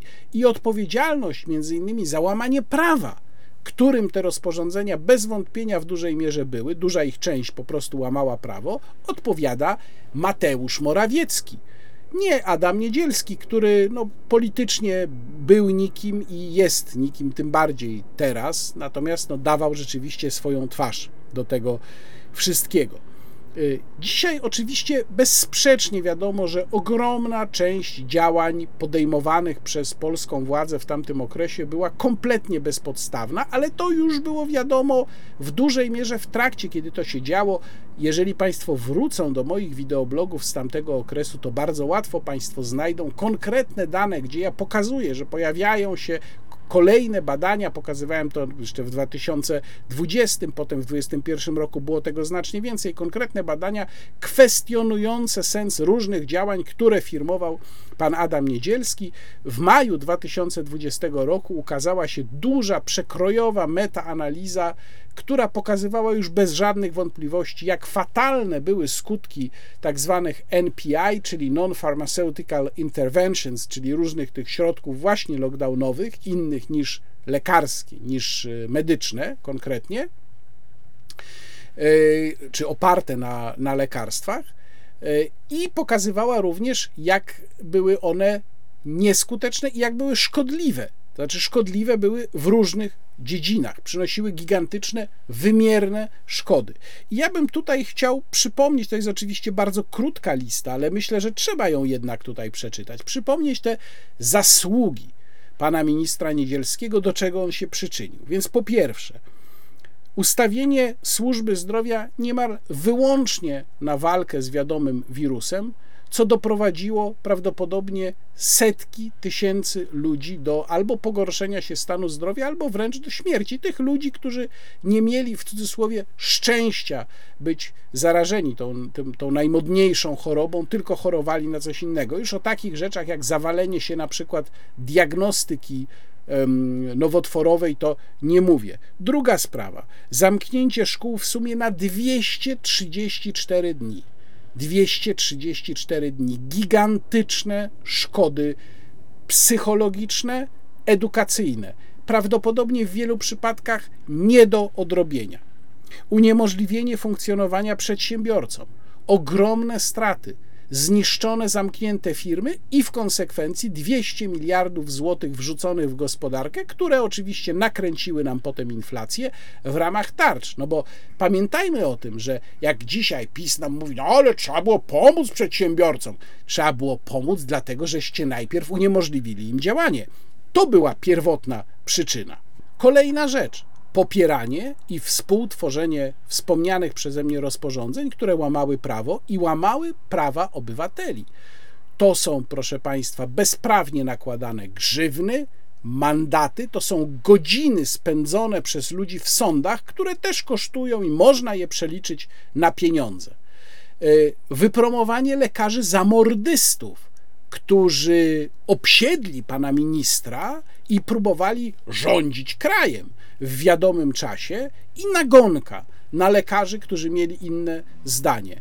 I wreszcie uczestnictwo w transakcji kupna 200 milionów, 200 milionów szczepionek dla Polski, co jest po prostu marnotrawstwem publicznych pieniędzy I przynajmniej za to pan minister Niedzielski powinien się znaleźć w prokuraturze, a być może jeszcze za wiele innych rzeczy. Dymisja pana Niedzielskiego niczego nie załatwia, zwłaszcza, że jak powiedziałem, ona się nie łączy z żadną autorefleksją ani żadnymi przeprosinami ze strony tej władzy. I to jest moja prośba i to jest mój apel do państwa. Wiem, że pamięć jest krótka, że absorbują nas zawsze te bieżące sprawy, ale proszę państwa, o tym nie można zapominać. To był czas absolutnie fatalny, to był czas wzlatującej w niebo głupoty i bezsensu, a jednocześnie był to czas bezprecedensowego łamania praw obywatelskich. Firmował to swoją twarzą pan Adam Niedzielski, ale formalnie rzecz biorąc, odpowiada za to pan premier Mateusz Morawiecki, a politycznie rzecz biorąc, odpowiada za to również Jarosław Kaczyński, a w dużej mierze także odpowiada za to pan prezydent Andrzej Duda, który milczał wtedy na temat wszelkich nadużyć, do jakich dochodziło. Przyjaciele Rosjanie. Bo w Polsce jest rzeczywiście potężny obóz zdrady narodowej. I wreszcie ostatni z tematów politycznych, o których chcę dzisiaj Państwu powiedzieć, a który niejako zepnie nam ten wideoblog w swojej głównej części, w jego głównej części klamrą, bo też będzie to w jakiś sposób nawiązanie do 15 sierpnia i do tego, co być może najprawdopodobniej będzie mówił wtedy pan prezydent Andrzej Duda. To jest sprawa relacji polsko-ukraińskich. Ja wiem, że te rzeczy, o których będę teraz mówił, one już się wydarzyły jakiś czas temu, to już kilkanaście dni od tego momentu minęło, ale myślę, że warto jednak je przypomnieć, warto je podsumować. Przede wszystkim, na jakim my jesteśmy etapie.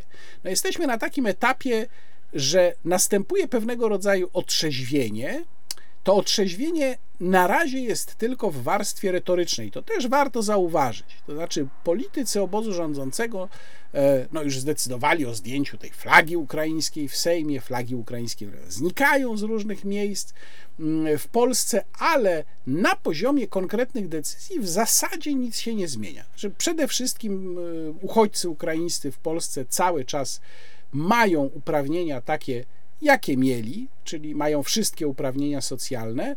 I przypomnę, że oni wcale ich mieć nie muszą. Nic nas do tego nie zobowiązuje. Uchodźcy ukraińscy są w Unii Europejskiej na mocy specjalnego unijnego rozporządzenia. Oni dlatego właśnie nie mają statusu uchodźcy w, w świetle konwencji dublińskiej, bo państwo czasem pytają, dlaczego tak mało osób z Ukrainy ma status uchodźcy. No właśnie dlatego, że oni na mocy specjalnego prawa przebywają w Unii Europejskiej prawa unijnego, specjalnie wydanego na tę okazję. E, ale to prawo nie zobowiązuje nas w żaden sposób do tego, żeby oni mieli świadczenie na start, e, świadczenie opiekuńcze, świadczenie 500. No, na świadczenie 500 to już od początku, według informacji Ministerstwa Pracy i Polityki Społecznej, 2,4 e, miliarda złotych. I to, proszę Państwa, jest najwyższy czas, żeby tę, tę, tę, tę skarbonkę z pieniędzmi zamknąć. Dlaczego Ukraińcy, którzy mają państwo, na większości którego obszaru nie toczy się wojna, mają siedzieć w Polsce i tu pobierać socjal? No, niech siedzą, owszem, jeżeli uważają, że nadal muszą tutaj być, proszę bardzo, ale nie y, na zasadach pełnego wyposażenia w socjal, za który my płacimy. Tu zresztą polecam Państwu od razu swoją rozmowę w cyklu Rozmowa Niekontrolowana z panem doktorem Arturem Bartoszewiczem. Ta rozmowa w najbliższy czwartek, tam pan doktor między innymi odnosi się w tej rozmowie do y, sprawy y, korzyści, jakie mają wynikać z obecności ukraińskich uchodźców w Polsce. Cały czas, przypomnę, w grze jest kwestia y, myśliwców F-16 dla Ukrainy. Ta sprawa nie została zdjęta z, ze stołu i Polska cały czas rozpatruje to, żeby być w pierwszym szeregu. Zresztą myślę, że takie akcenty jutro w wystąpieniu pana prezydenta również będą. Więc retorycznie rzecz biorąc, nastąpiło znaczące ochłodzenie, jeżeli chodzi o, o kwestię ukraińską, ale ono jest moim zdaniem spowodowane kwestią konkurowania z Konfederacją, kwestią wyborów. Natomiast, jak powiedziałem, nie idą za tym konkrety. Proszę to bardzo wyraźnie jedno od drugiego oddzielać. I teraz przechodzę do tego, co się w ostatnim czasie wydarzyło. Otóż mieliśmy serię zdarzeń, które moim zdaniem doprowadziły w pewien symboliczny sposób do ściągnięcia tej ukraińskiej flagi w polskim parlamencie. Jej tam oczywiście od dawna w ogóle nie powinno być. Ja bym zrozumiał, gdyby ona tam wisiała, no nie wiem, tydzień, może dwa tygodnie, bo nawet już miesiąc to za długo. Ale ona tam wisiała, proszę Państwa, ponad rok w polskim parlamencie.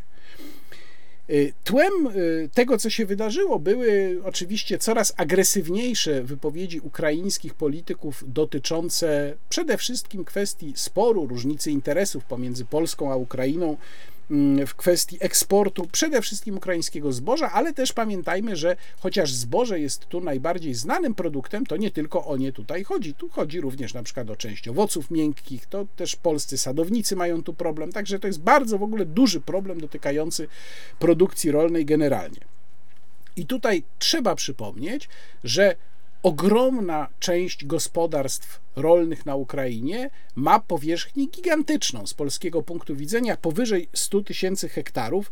Obecnie na Ukrainie są 22 podmioty gospodarcze dzierżawiące areał powyżej 50 tysięcy hektarów, a 10 z tych podmiotów zarządza właśnie takimi o powierzchni ponad 100 tysięcy hektarów i w sumie te podmioty obrabiają 3,4 miliona hektara ziemi co stanowi około 12% gruntów rolnych tamtejszych, 22 podmioty, 12% całości gruntów rolnych. Największy ukraiński oligarcha rolniczy Andrii Werewski kontroluje firmę Kernel Holding, która ma, uwaga, ponad 600 tysięcy hektarów.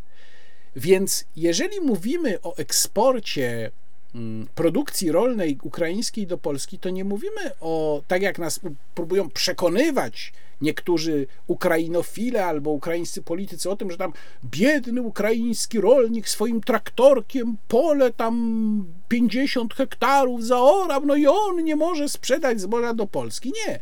My tutaj mówimy o sprzedaży przez ogromne firmy opanowane przez mafię, bo proszę Państwa, Ukraina jest państwem systemowo skorumpowanym. Przecież w tej chwili już właściwie nie ma tygodnia, co prawdopodobnie jest skutkiem nacisku Waszyngtonu, żebyśmy nie czytali o tym, że prezydent Zełęński usunął tego, wygnał tamtego, zdymisjonował tego z powodu korupcji. To proszę sobie wyobrazić, jaka musiała być i nadal jest skala korupcji ukraińskiego państwa. To jest kolejna rzecz, o której w Polsce się w ogóle nie mówi, bo poprawność polityczna narzucona przez i obóz rządzący, i opozycję, główną partię opozycyjną zresztą po 24 lutego, kazała nam widzieć w Ukrainie i w Ukraińcach jakieś ideały, podczas kiedy to jest państwo po prostu, powiedzmy sobie szczerze, przegniłe, które nie spełnia żadnych norm pozwalających mu na przykład myśleć chociażby o przystąpieniu do Unii Europejskiej. A zatem, jeżeli mówimy o imporcie w sensie możliwości sprzedawania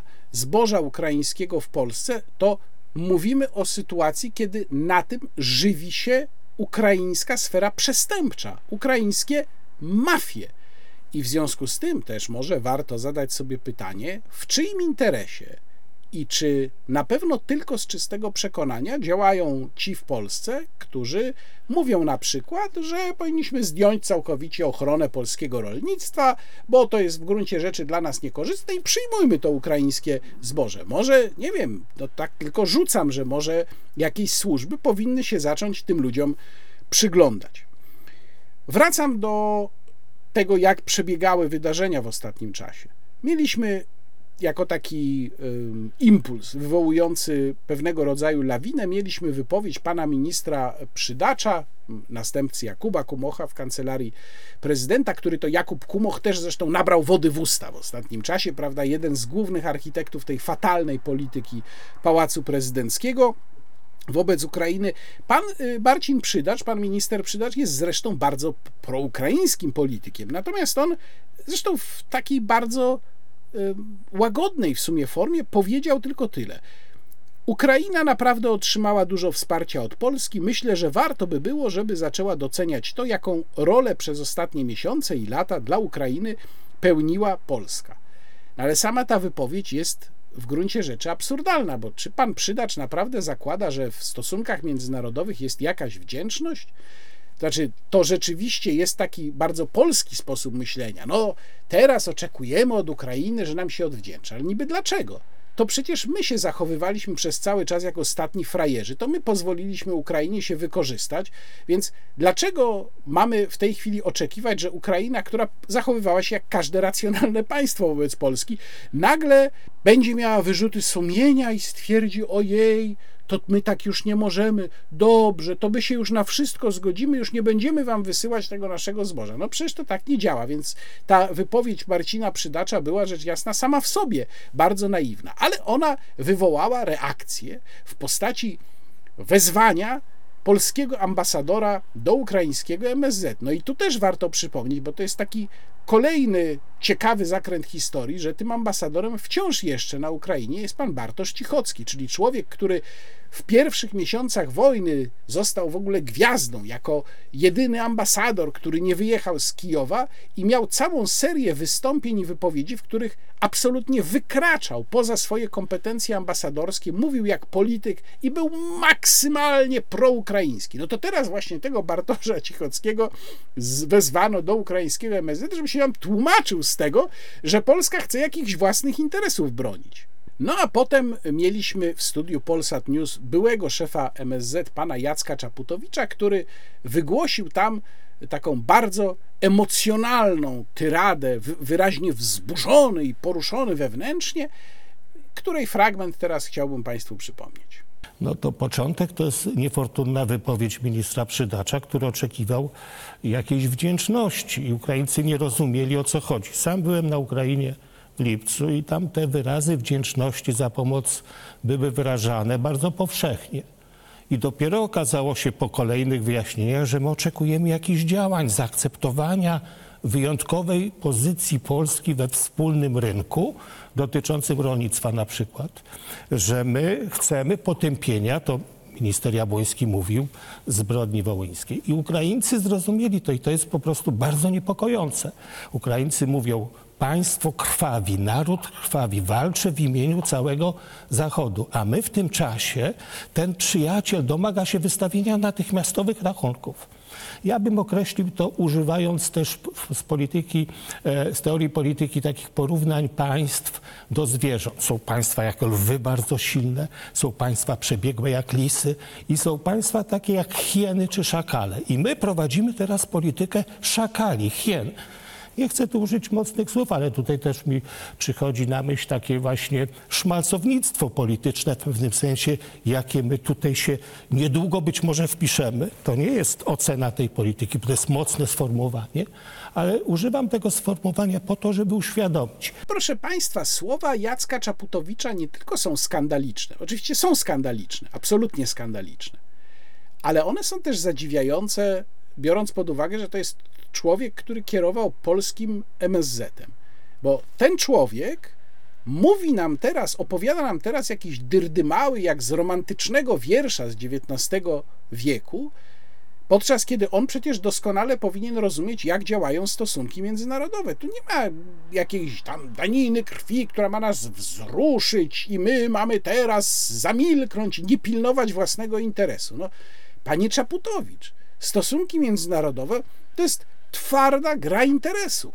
Tak się gra, jak przeciwnik pozwala. Przecież dokładnie to Ukraina robi z nami.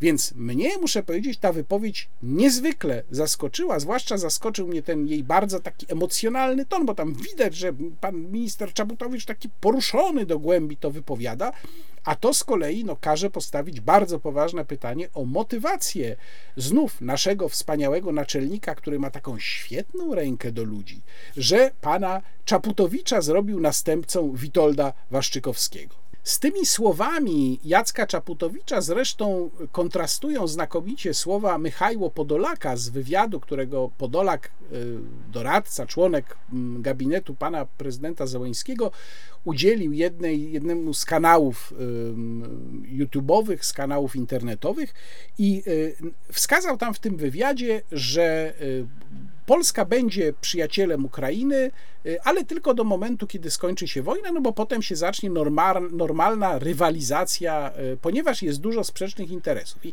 to oświadczenie, te słowa pana Podolaka wywołały taki szok w Polsce, ale jak to bardzo wiele osób, no ale jak to? Przecież miała tu być wielka przyjaźń, więc proszę Państwa, rozłóżmy to na czynniki pierwsze. No, przede wszystkim pan Podolak nie powiedział niczego nadzwyczajnego. I tutaj się zgadzam z tymi, którzy próbują go jak gdyby bronić w ten sposób, mówiąc, że przecież wszystkie państwa ze sobą rywalizują. No tak, tylko tak próbują go bronić te same osoby, które wcześniej przekonywały, że mamy jakąś wielką przyjaźń polsko-ukraińską, która musi zostać potwierdzona nowym traktatem polsko-ukraińskim. Teraz nagle mówią, że ale przecież rywalizacja jest zawsze. No to ja pytam, gdzie te osoby były na przykład rok temu, prawda? Bo mam wrażenie, że Polska zachowywała się przez większość czasu, właściwie od 24 lutego i być może cały czas się tak zachowuje, jakby właśnie widziała relacje pomiędzy państwami nie na zasadzie normalnej rywalizacji, tylko na zasadzie jakiejś miłości, przyjaźni, wspaniałych uczuć, na górze róże, na dole fiołki, my się kochamy jak dwa aniołki. No, ale my wiemy, że to tak nie działa, wie to pan prezydent Zełęński, wie to pan Michajło Podolak. Potem się ujawniły różne osoby, jak powiedziałem, które próbowały go bronić. Właśnie jedna z linii obrony to tak jak powiedziałem, że to nic nadzwyczajnego. Druga była taka, że ale tam jakiś Podolak, kim on tam jest, on nie jest znaczącą osobą. Ale takie głosy płyną z ogromnej części ukraińskiego establishmentu i nie ma naprawdę wielkiego znaczenia, że w nim się różne frakcje ścierają. To taki tekst napisał z kolei Marek Budzisz, tłumacząc, że tam a ci się ścierają z tymi, a ci z tymi, a ci podgryzają tych, no więc to nie jest zdanie wszystkich ale to jest zdanie większości, to jest podejście, które pobrzmiewa w całym ukraińskim establishmencie, ponieważ tam się uprawia politykę inaczej niż u nas. Znaczy, jeżeli ktoś w Polsce, z polskich polityków, mam wrażenie, że uległ temu złudzeniu Andrzej Duda przede wszystkim, wyobraża sobie, że Ukraińcy to są nasi bracia, że oni mają jakąś romantyczną naturę, że oni nas do serca przytulą, to przepraszam, taki ktoś jest po prostu idiotą. No, raz, że tak w ogóle nie działają stosunki międzynarodowe, a dwa, że gołym okiem od początku tej wojny widać, że Ukraińcy działają tutaj maksymalnie pragmatycznie i jedynym ich celem było wykorzystanie Polski do maksimum, po czym niezapłacenie rachunku. O co, żeby było jasne, ja nie mam do nich żadnej pretensji, bo to jest nasza wina, że myśmy tak skonstruowali nasze wzajemne relacje, że nie mamy lewara, żeby ich zmusić do zapłacenia tego rachunku. I może jeszcze warto wspomnieć, że wszystko to dzieje się w czasie, kiedy nagle do polskiej opinii publicznej dociera wiadomość, którą Deutsche Welle podało jeszcze w kwietniu tego roku, ale wtedy ona jakoś się nie przybiła, że mianowicie w 2022 roku e, wydobyto na Ukrainie szczątki 816 żołnierzy Wehrmachtu i wojna jakoś w tym nie przeszkodziła. No oczywiście wiadomo, żołnierze Wehrmachtu to żołnierze Wehrmachtu, a tam jakieś ofiary Wołynia, których nie można ekshumować, to kompletnie nieistotne, prawda? A żołnierze Wehrmachtu, no to wiadomo, przymierze z Niemcami. E, I to sami, co ciekawe, ukraińscy żołnierze którzy gdzieś tam trafili na te szczątki, mieli się skontaktować i z troską powiadomić niemiecki Związek Ludowy Opieki nad Grobami Wojennymi, czyli Volksbund Deutsche Kriegsgräbfürsorge. E, to jest e, instytucja bardzo zresztą ciekawa. E, ja trafiłem kiedyś jeżdżąc rowerem po Lubelszczyźnie na cmentarz w Polesiu, które to jest miejscowość, która się mieści w okolicy Puław, Zwolenia, tak prawie na granicy województwa lubelskiego i mazowieckiego i tam jest właśnie cmentarz wojenny żołnierzy niemieckich, y, do, dokładnie prowadzony, kierowany, urządzony przez ten Volksbund, w Niemczech się nazywa ten, krótko ten, ten, te instytucje po prostu Volksbund. Y, i bardzo, bardzo zadbany, bardzo elegancki, E, dlatego się zainteresowałem. To jest instytucja, która działa od wielu lat w Niemczech i ona opiekuje się również niemieckimi cmentarzami w Polsce. Naprawdę można powiedzieć tylko pozazdrościć takiej organizacji i takiej właśnie instytucji. Więc powracam tutaj do wystąpienia pana prezydenta, e, którego to wystąpienia jeszcze nie było, ale które już jakoś tam antycypuję, staram się antycypować i Oczywiście mogę się mylić co do tego, co się w nim znajdzie, ale podejrzewam, że niestety się nie mylę. Zobaczymy. I myślę, że znowu będziemy mieli porcję zachwytów nad ukraińską walecznością, znowu będziemy mieli o tym, że e, Ukraińcy walczą za nas, podczas kiedy oni walczą po prostu za siebie. Znowu będziemy mieli o tym, że absolutnie musimy pomagać. I w ten sposób też pan prezydent Andrzej Duda no, staje się problemem dla obozu władzy. Trochę to tak wygląda, jakby dla Andrzeja Dudy czas, jak powiedziałem, zatrzymał się jakiś co najmniej rok temu. Przyjaciele Rosjanie. Bo w Polsce jest rzeczywiście potężny obóz zdrady narodowej. Jeszcze nieduża część kulturalna, jak być może Państwo, którzy obserwują moje media społecznościowe, wiedzą, wróciłem nie tak dawno z Krakowa, gdzie przez kilka dni byłem na kolejnym, e, już szóstym festiwalu Muzyka Divina organizowanym przez Fundację Incanto. W tym roku, przypomnę, Fundacja Incanto nie dostała na żaden ze swoich dwóch festiwali Muzyka Divina, ani na jesienny festiwal Rezonanse, nie dostała ani złotówki z programu Muzyka Ministerstwa Kultury i Dziedzictwa Narodowego. Mimo to festiwal Muzyka Divina się odbył, rezonanse też się odbędą. Były w części głównej festiwalu cztery koncerty. Był wcześniej koncert otwierający, a jeszcze będzie koncert zamykający, na który już teraz Państwa zapraszam w imieniu Fundacji 23 września w Bazylice Ojców mm, Dominikanów o 20.30 Ensemble Organum i Scola Cantorum Minorum Hozowienzis będą wykonawcami. Mm, ja przede wszystkim chciałbym bardzo, ale to bardzo pogratulować całej Fundacji Incanto, wszystkim wolontariuszom, bo to też trzeba pamiętać, że ogromną rolę, bardzo ważną rolę przy organizacji e, festiwalu odgrywają właśnie wolontariusze. Wszystkim, którzy się przysłużyli do tego, że festiwal się odbył, e, odrębnie też pozdrawiam Piotra Łysakowskiego, który znów festiwal fotografował i zdjęcia, znakomite zdjęcia festiwalowe, które mogą Państwo znaleźć na profilach w mediach społecznościowych Fundacji Incanto. To są zdjęcia, duża ich część to są właśnie zdjęcia e, Piotra. Piotrze, bardzo serdecznie Cię pozdrawiam. I wszystko było perfekcyjnie, tak jak to zwykle jest z Fundacją Incanto, dlatego ja, jako ambasador Fundacji Incanto, mm, Państwa zachęcam do wspierania e, tego przedsięwzięcia, tego dobrego dzieła, ponieważ ja po prostu wiem, że ani grosz z tych pieniędzy nie zostanie zmarnowany. Mieliśmy zatem cztery koncerty, cztery koncerty, które odbywały się w przepięknych krakowskich kościołach.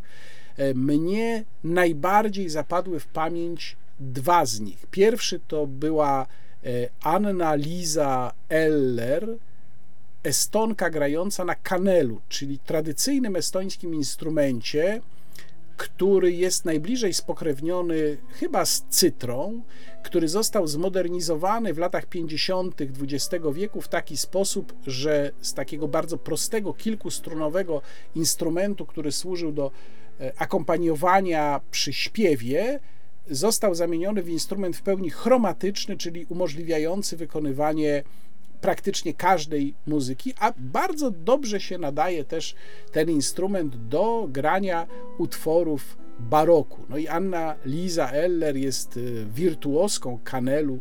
Właśnie ten koncert bardzo, bardzo mocno zapadł mi w pamięć. Mam też płytę, którą tam kupiłem. Nie wiem, czy ona jest dostępna w sklepie Fundacji Incanto, ale nawet jeżeli ta nie jest, e, to są inne płyty. Może zresztą jeszcze będzie dostępna. Zapraszam Państwa na sklep Fundacji Incanto. Strings Attached, tak nazywa się płyta Anny Lizy Eller, na której e, jest przynajmniej część tych utworów, które mogliśmy usłyszeć na koncercie. I drugi koncert to był koncert finałowy y, to był koncert Kataliny Wicens, która grała na czymś, co nazywa się organy portatywne, przenośne. To są takie małe organy, y, które trzyma się na kolanie, które, w których kalikuje się ręcznie, jest miech więc to pozwala na osiągnięcie pewnych efektów dynamicznych, które przy normalnych organach być może nie są do osiągnięcia. Bardzo taki kameralny y, instrument, y, więc była to Katalina Wicens, która grała na organach portatywnych, a y, trio Medieval śpiewało mm, utwory z nieszporów świętego Torlaka, nieszporów o świętym Torlaku i z Old Hall Lady Mass. To są wszystko utwory średniowieczne, które w oryginale mm, były wykonywane przez głosy męskie, tutaj zostały przetransponowane na trio żeńskie. Niesamowity koncert, y, który no w zasadzie jakby przeniósł mnie w inny wymiar. Tak zresztą pisałem w mediach społecznościowych Fundacji Incanto, że kompletnie zapomniałem o, o czasie, o tym, co się działo poza murami Bazyliki Bożego Ciała w Krakowie. Tak bardzo hipnotyzująca była ta muzyka i to wykonanie.